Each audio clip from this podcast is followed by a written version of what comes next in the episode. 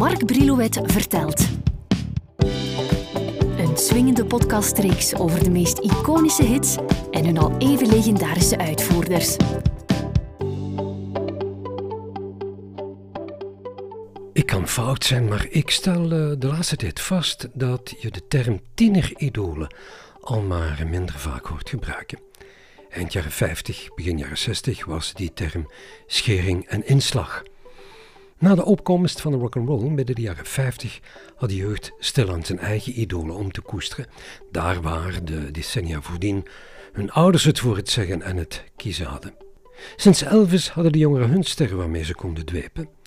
Na de wat uh, ruige rock werd er stilaan gekozen voor een iets meer gepolijste variant van dat genre het werd. De tijd van de high school rock, gegangmaakt door Dick Clark en zijn American Bandstand met een voorliefde voor knappe jongens in zijn tv-shows.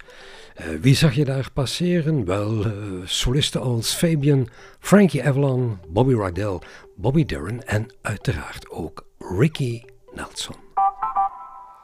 Het zal je maar overkomen met één single twee hits te scoren, twee muzikale vliegen in één klap. Dat overkwam Ricky Nelson toen hij in 1961 een single uitbracht met op de ene kant Traveling Man en op de andere Hello Mary Lou. We menen nog altijd dat Hello Mary Lou in de States de grootste hit van beide werd, maar dat is fout. Dat misverstand is gerezen omdat Traveling Man bij ons geen hit werd, maar Hello Mary Lou in de maand juni van 61 een regelrechte nummer 1 in onze Belgische hitlijsten. In Amerika daarentegen steeg Hello Mary Lou naar de negende plaats en was het met Traveling Man dat Ricky tot op de eerste plaats van de charts geraakte. Je voelt me al komen, ik moet die Traveling Man in onze podcast ook een eerlijke kans gunnen. Ricky die was erg verwend wat uh, hitscoren betreft. Hij was nog maar 17 toen hij met Teenagers Romance op de tweede plaats belandde in Billboard's Hot 100. De volgende single, I'm Walking, deed het ook goed. Dan kende hij even een dipje om met singles als Stood Up en Believe What You Say sterk terug te keren. Het waren vooral rockabilly songs die het in het begin van zijn carrière erg goed deden. Zijn eerste nummer 1, Poor Little Fool, ging al wat de andere kant uit, meer in de richting van de pop. I used to play around with hearts, hasten at my call. But when I met that little girl, knew that I would fall, poor little. Oh yeah, I was a fool. Uh-huh. Maar het bleef niet bij die ene hit. De songs nadien werden in uh, samenspraak met zijn producersteam zorgvuldig geselecteerd. Daarbij denk ik aan nummers als Lonesome Town, It's Late and Sweeter Than You. Dan viel de hittrein weer even stil en geraakte hij niet hoger dan de twaalfde plaats. De rest van de singles viel ver buiten de top 20. Maar niet getreurd, in 61 herpakte Ricky zich met de nummer 1, Traveling Man, geschreven door Jerry Falla. Falla was voordien een beetje succesvol geweest als zanger, met singles als uh, Shy Away, The Tennessee Waltz en Betty My Angel, waarin je de Ricky Nelson-stijl meteen zal herkennen.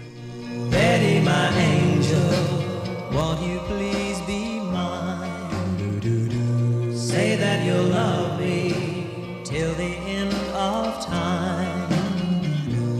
Angel, my angel, won't you set my heart at ease? I want you, I need Betty My Angel, Jerry Fowler. Jerry die schreef Traveling Man toen hij in de buurt van het DeLongpre Park in Hollywood in zijn auto op zijn vrouw zat te wachten. Dit park werd zo genoemd naar de Franse schilder Paul Delompré, die vaak in Amerika verbleef en in Los Angeles overleed. Jerry Falle sloeg uh, de maat van de melodie die hem te binnen schoot op het dashboard van zijn auto. Als invalshoek voor de tekst koos hij voor de situatie waarin een matroos verkeert als hij de wereld rondvaart en in elke haven een liefje vindt. Eenmaal terug thuis maakt Falle de song verder af. Hij raadpleegt een atlas en beschrijft in zijn fantasie de diverse plaatsen die die matroos aandoet. Hij zoekt ook telkens per land het gepaste woord voor meisje op. In Duitsland is dat Fräulein, in Alaska cute little Eskimo en in Mexico Senorita. Hij weet niet hoe ze op Hawaii uh, een meisje noemen, dus heeft hij het over Pretty Polynesian Baby. Die heeft de zwarte zanger Sam Cooke in zijn achterhoofd als hij het liedje schrijft. Samen met gitarist Glenn Campbell neemt hij daarom een demoversie op en speelt die door aan Cooks manager J.W. Alexander. Wanneer die de demo beluistert, staat toevallig Joe Osborne in zijn buurt, de bassist van Ricky Nelson. Hij merkt dat Alexander de song niet geschikt vindt voor Sam en Alexander die heeft er geen bezwaar tegen de demo aan Joe over te laten, die het snel doorspeelt, en Ricky, die er meteen tuk op is. Begin 61 trekt Nelson naar de studio om het nummer in te blikken. Hij fungeert zelfs als producer, zoals sommige bronnen vermelden, maar andere tippen op Joe Johnson, die op dat moment in Nashville een eigen studio en platenmaatschappij heeft. Joe had als producer voordien al behoorlijk wat succes gescoord met Tequila van de Champs. Nelson krijgt in de studio de muzikale steun van onder meer gitarist James Burton, die we later vaak zullen horen tijdens de plaatopname van Elvis. Normaal gebruikte Nelson tijdens zijn opname de Jordanaires als backingstemmen, maar die waren niet altijd beschikbaar. En omdat de stemmen van Jerry Fowler, Glenn Campbell en Dave Burgess op de demo eh, zo goed klonken, stond hij erop hen tijdens de opname de backings mee te laten zingen.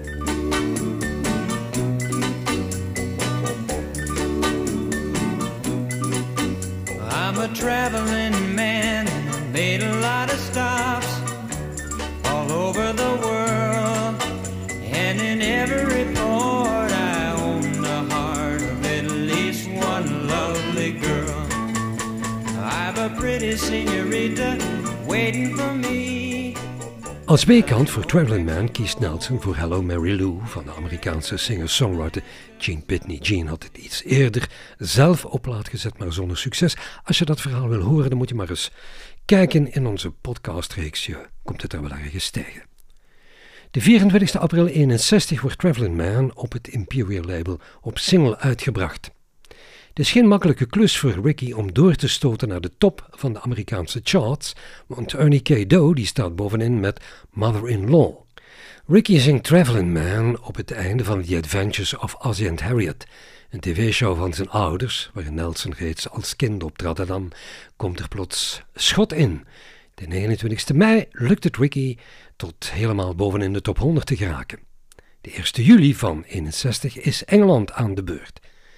Hier zit voor Ricky en zijn dubbelzijdige hitsingle een tweede plaats in.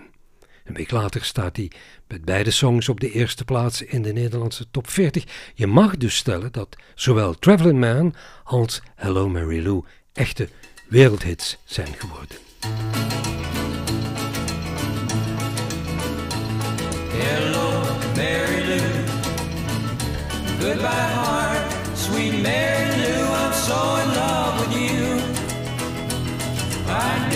Mary Lou. We never part, so hello, Mary Lou, goodbye heart. Hello, Mary Lou en Traveling Man staan ook op de LP Rick is 21, die in de maand mei van 61 op het Imperial label verschijnt. De firma heeft beslist Nelson iets meer als een volwassen jongen in de markt te zetten en verkoopt hem voortaan als Rick Nelson en niet meer Ricky. Op die langspeler songs als My One Desire, I'll Make Believe en Lucky Star. Lucky Star, shine on me. Lucky Star, don't you see?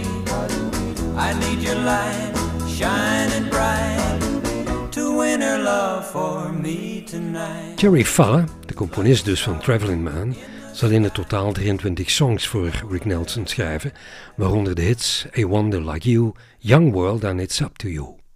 In de loop van de jaren 60 komt Falla bij Columbia Records terecht, waar hij Gary Packett en Union Gap ontdekt en speciaal voor hen de hits Lady Willpower en Young Girl neerpent.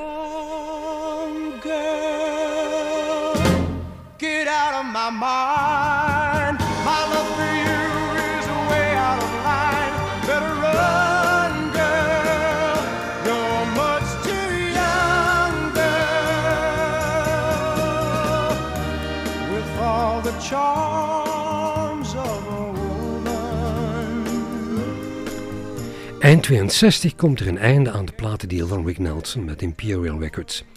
Hij sluit een zeer lucratieve deal af met uh, Decca Records, eigendom van MCA, waarvoor hij een miljoen dollar mag opstrijken. Jammer voor Decca, maar voor hen zal hij aanvankelijk slechts twee grote hits scoren: Fools Rush In en For You. Vanaf het einde van de jaren 60 treedt Rick samen op met de Stone Canyon Band. Intussen heeft het publiek hem de rug toegekeerd. Een frustratie die hij afreageert in de nummer Garden Party, dat vreemd genoeg in 72 een top 10 hit wordt. I went to a garden party to reminisce with my old friends. A chance to share old memories and play our songs again. When I got to the garden party, they all knew my name. Recognized me. I didn't look the same,